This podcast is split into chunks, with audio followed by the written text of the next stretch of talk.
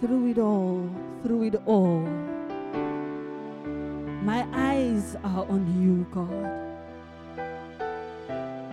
And it is well with our souls this morning. Through it all, God, you have kept us. Through it all, God, you have brought us through. Eyes are fixed on you this morning.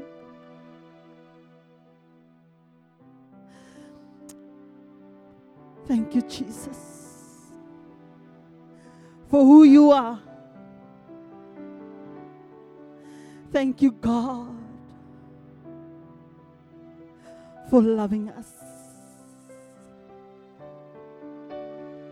for coming our way, for taking our hand. Our eyes are on you this morning. Come and bless us this morning, God so that we can be a blessing. I pray in the mighty name of Jesus Christ. Amen.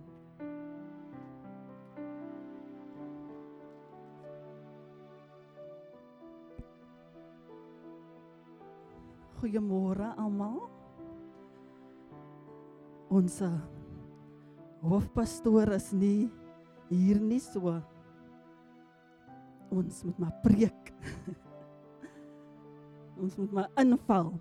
Maar dit is vir my 'n absolute absolute voorreg om ver oggend um saam u te wees. En dit is vir my lekker om in die huis van die Here te wees. Dit is lekker om in die, die seisoen dat ons nog kom na die huis van die Here en kom aan bid saam as 'n gemeente, as 'n familie. Ehm um, so die afgelope 4 weke, ehm um, vandag is die 4de week, het ons gepraat oor wat die seisoen eintlik beteken en die eerste week, 1 Desember, het Matthys gepraat oor hoop. Dat Jesus het hoop gebring. En die tweede week het Piet gepraat oor vrede. En Jesus het vrede gebring. En verlede week het Matthys gepraat oor vreugde. Die vreugde wat Jesus gebring het met sy koms. And today I want to talk about the last topic in the series which is love. And when Matthys called me in end of November and he told me Alicia I want you to preach on this specific date, on this topic. I was like, really, Matthias? Love. Haven't we talked about love, like the love of God, like more than enough times now? And Matthias is just ignoring me and say, Alicia, we're talking, you're talking about on the topic love. And it's not that I don't want to talk about love because the love of God is endless, so you can never run out of things to say about God's love. And but but this reminded me while I was preparing this message, it reminded me of of something that happened a few years back when I was still uh, intern in the church. Before I was ordained in the AFM, you have to do your MIL, Ministry Integrated Learning. So because I am full-time employed at Sanlam, I had to do two years of internship in the church. And at my previous church, um, I did in, in I, I worked in all the departments. I decided to do three months in each department in the church because I had to um, work for 20 hours a week in the church. And one of the departments I went to was the youth department. So when I got to the youth department, I got stuck there for two years. Not stuck, I decided to stay for two years and not just three months. And the, the youth pastor at the time um, gave me a, a group of youngsters, a group of young girls. And these young girls were very challenging. The other leaders didn't want to really um, lead these, these young girls. And the youth setup was like this the youth pastor, and then we were about 25 leaders, and each leader you had a tribe. So we called ourselves a tribe. We ha- you had a tribe of girls or tribe of boys if you were a, a man. And one day, one of these girls asked me, Alicia, so if you say that God is love, does that mean that God will forgive Satan one day? And I was like, you know, I grew up in the church, so that question is, you don't ask questions like that. Growing up in the church, you don't ask questions like that. And at first, I wanted to, I was like, okay, what now? But what I realized is that this girl, this is her first experience. This youth is her first experience with church. She did not grow up in the church because the youth pastor at the time decided when he prayed, he prayed, God send in the unwanted, send in the, the outcasts. And believe me, God answered his prayer to the letter. And this girl did not grow up in the church. If you grew up in the church, you will go to the Sunday school and you will learn about the snake that told Eve to eat the fruit. And, and, and you start to, to, to, to get or get resentment towards Satan.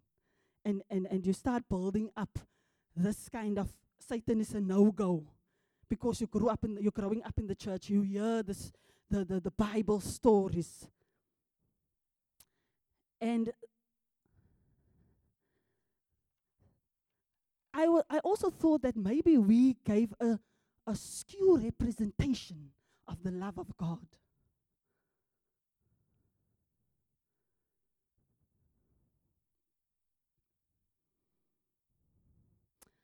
But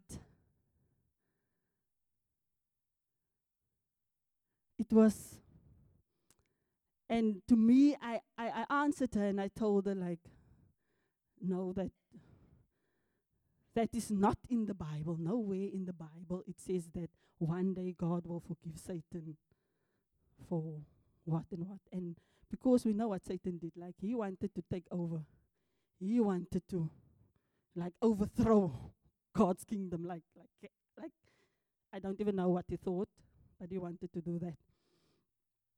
And today I want to talk about I have to talk about the love of God, and I'm going to talk about the love of God, but I want to highlight the just nature of God as well.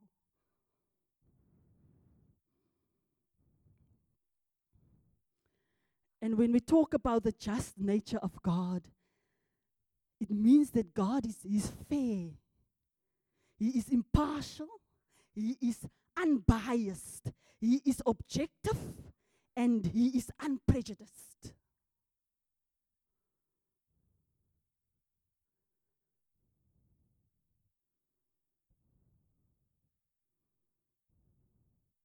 The fact that God is just means that He wants us to be just and act justly towards others. And throughout the Bible, you can you hear that God is saying to His people, treat others fairly, particularly those who may be in a less fortunate situation than you and me. In Acts 7 verse 7 verse 52, Jesus is referred to as the just one. And throughout the Bible, especially in the Old Testament, you can see um, God's judgment. And I think sometimes we we we stand back and we really don't want to go to these kind of of scriptures where God said that go into that nation and and kill everybody.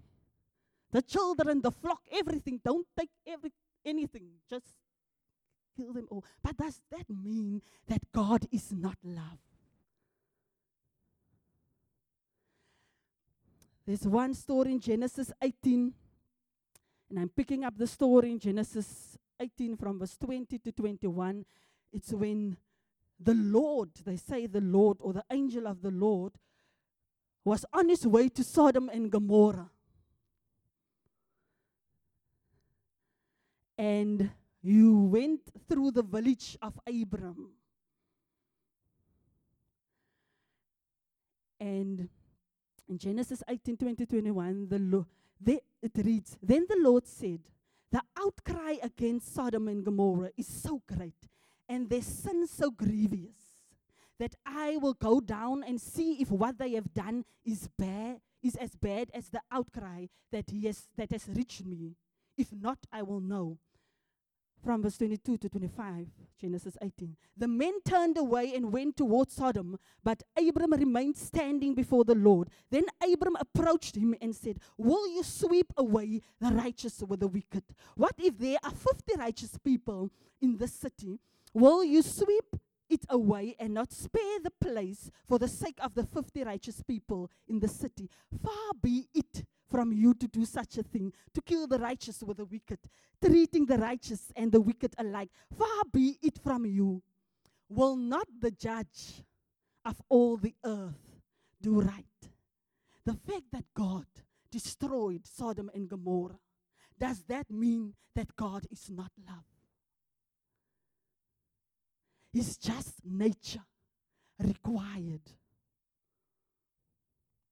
It's like a parent, are you going to leave your child to just do whatever? Even if you know that that will harm the child. If this child continue like this, he will it will end badly. Does God just nature mean that he is not love? Genesis 6 12 to 13, I'm going to highlight stories um, throughout um, the Old Testament for you. Then God saw how corrupt the earth had become, for all the people on the earth had corrupted their ways. So God said to Noah, I am going to put an end to all people, for the earth is filled with violence because of them. I am surely going to destroy both them and the earth. In the time of Israel. We all know when you read in, in, the, in the Old Testament, you know and you see how Israel was disobedient continuously towards God. And then in Jeremiah 25, verse 8 to 14, God says, Therefore the Lord Almighty says this, because you have not listened to my words, I will summon all the people of the north and my servant Nebuchadnezzar, king of Babylon, declares the Lord, and I will bring them against this land and its inhabitants and against all the surrounding nations. I will completely destroy them and make them object of horror and scorn, an object of horror and scorn, and an everlasting ruin. I will banish from them the sounds of joy and gladness, the voices of bride and bridegroom, the sound of millstones and the light of the lamp. This whole country will become a desolate wasteland, and these nations will serve the king of Babylon for 70 years. Did this mean that God did not love his people, Israel? Throughout the Old Testament, you can see how God is ever pursuing and ever pursuing and ever pursuing the nation Israel. God is also just.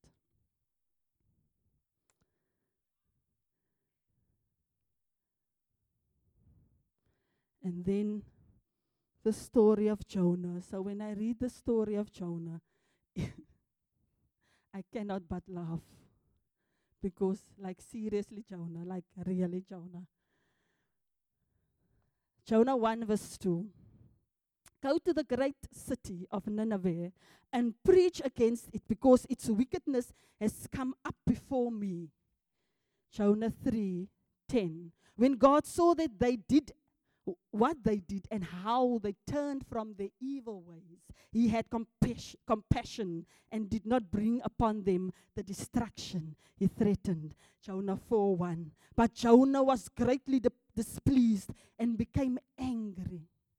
He prayed to the Lord, Oh Lord, is this not what I said when I was still at home? That is why I was so quick to flee to Tarshish. I knew that you are a gracious and a compassionate God, slow to anger and abounding in love, a God who relents from sending calamity. Is God not still love in his just nature? Because God doesn't love us. God is love. The meaning, so if you Google the meaning of the word love, it's like affection between people, something, something, something. But to me, the meaning of the word love is very easy and very short God. The very essence of God is love.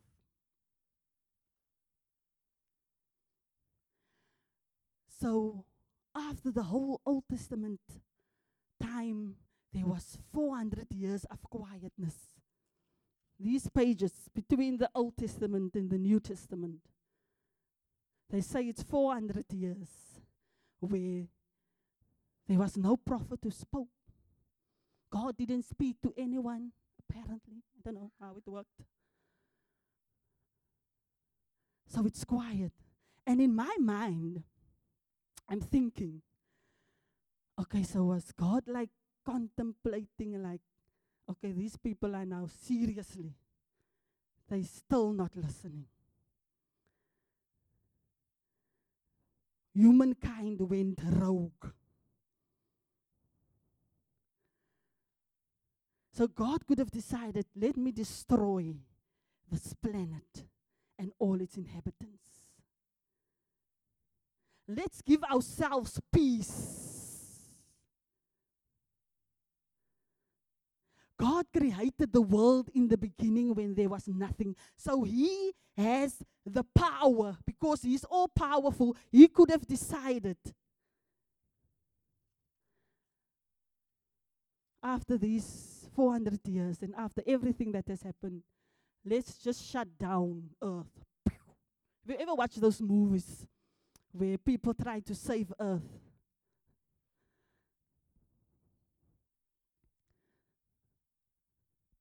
No one would have been able to save Earth if God decided that I'm shutting down all living creatures,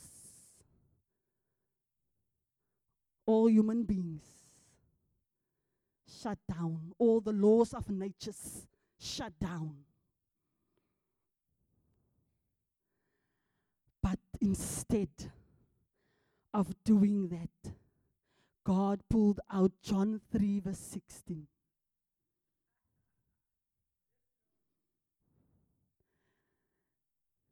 For God so loved the world. And it is here in John 3:16 that God's just nature does not make sense to me. Because it is here that God, I feel, he was not fair towards himself.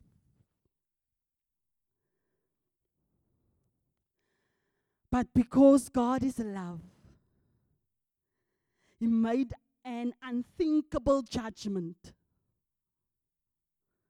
Not against mankind, because surely we deserved it. Because we were all sinners. But God made the, made the judgment against himself. It is here that God's love is highlighted. Not for mankind to die, but for him to not just die, but to suffer his way to death.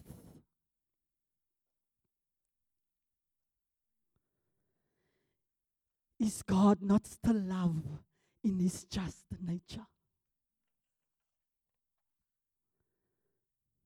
Because again, a generation had become so sinful that God could no longer take action, could no longer but to take action against it.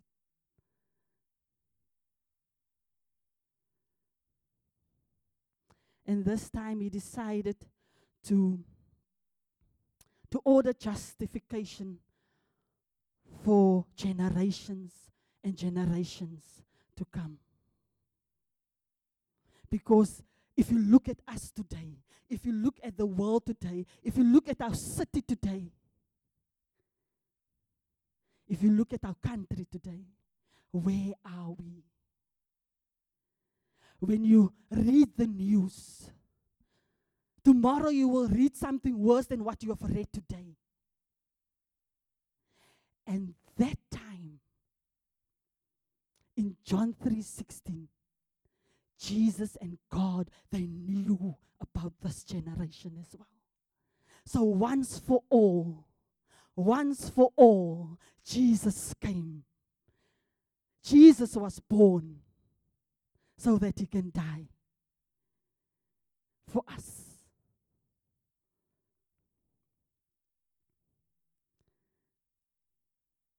Jesus' birth had to take place in Luke 2 8 to 11. And there were shepherds living out in the fields nearby, keeping watch over their flocks at night. An angel of the Lord appeared to them, and the glory of the Lord shone around them, and they were terrified.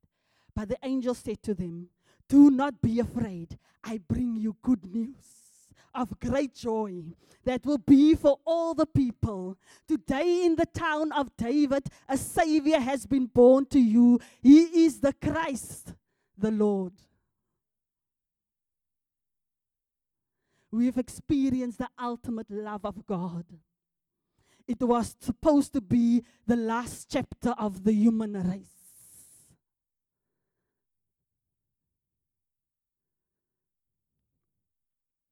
But instead, we receive the greatest gift of the season. We received grace. We received love. Christ came to show the ultimate love of God.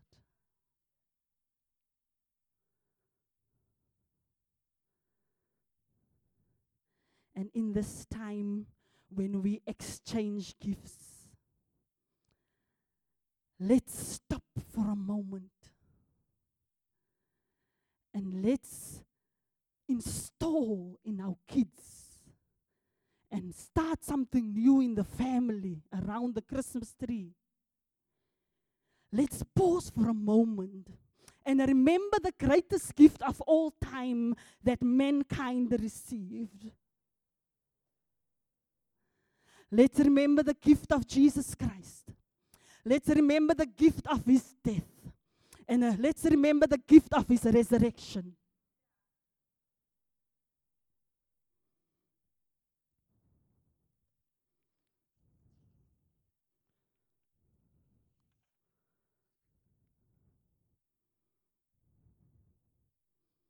Let's remember the grace that we received the grace that translates into unconditional love of God through His Son Jesus Christ.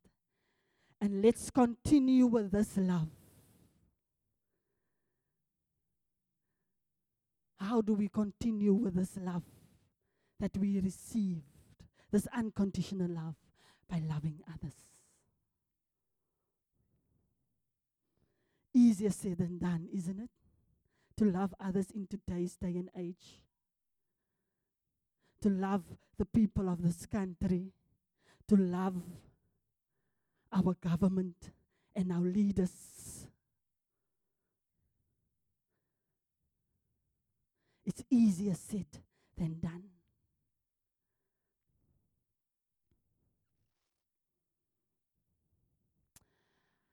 A writer E.R. McManus asked the question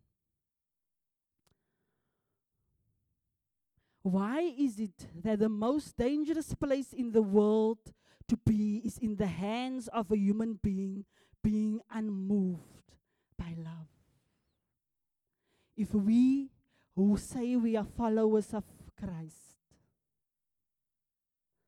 do not love or do not show love to others, how will our world, what will our world, world look like?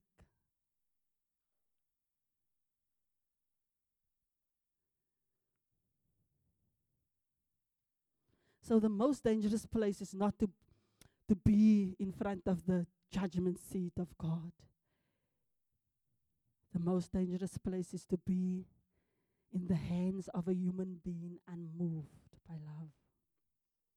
First John 4 verse 7 to, el- to 11 says, Dear friends, let us love one another. For love comes from God. Everyone who loves has been born of God and knows God.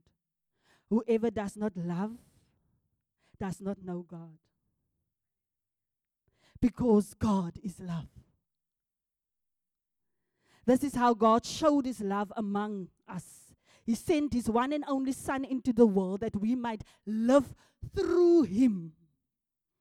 This is love, not that we loved God, but that he loved us and sent his Son as an atoning sacrifice for our sins. Dear friends, since God so loved us, we also ought to love one another.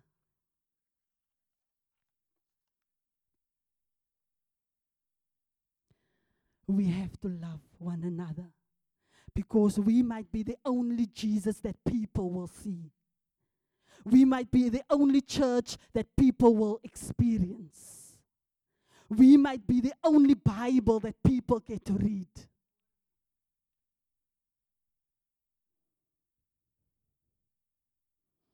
You don't have to be Noah.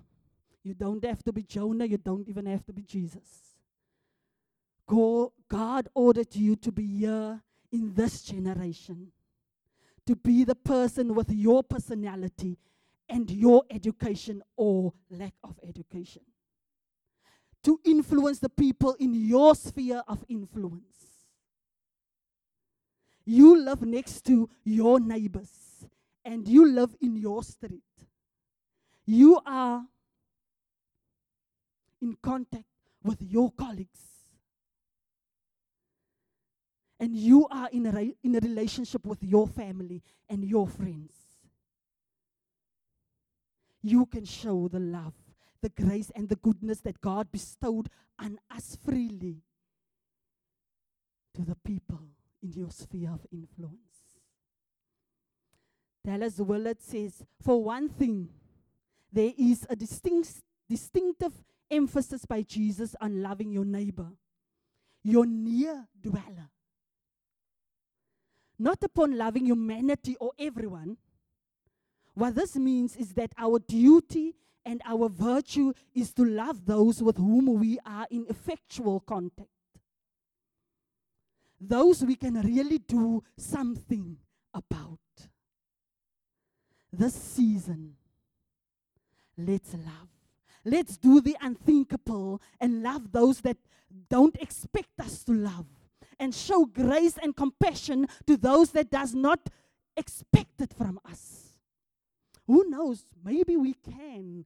Christmas afternoon, after everybody has had the second helping, maybe we can just dish up a plate and just drive through your neighborhood and find a homeless person who might not have had a table that was decorated and full of food.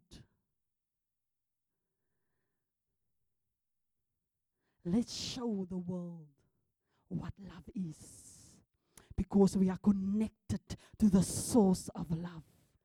For God is love. Let's pray.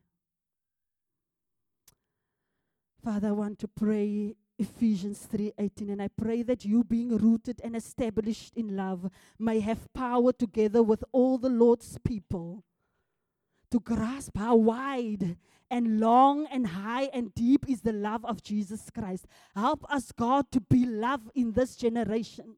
Show us, God, where we can influence people with the love that is coming from you, working through us, God.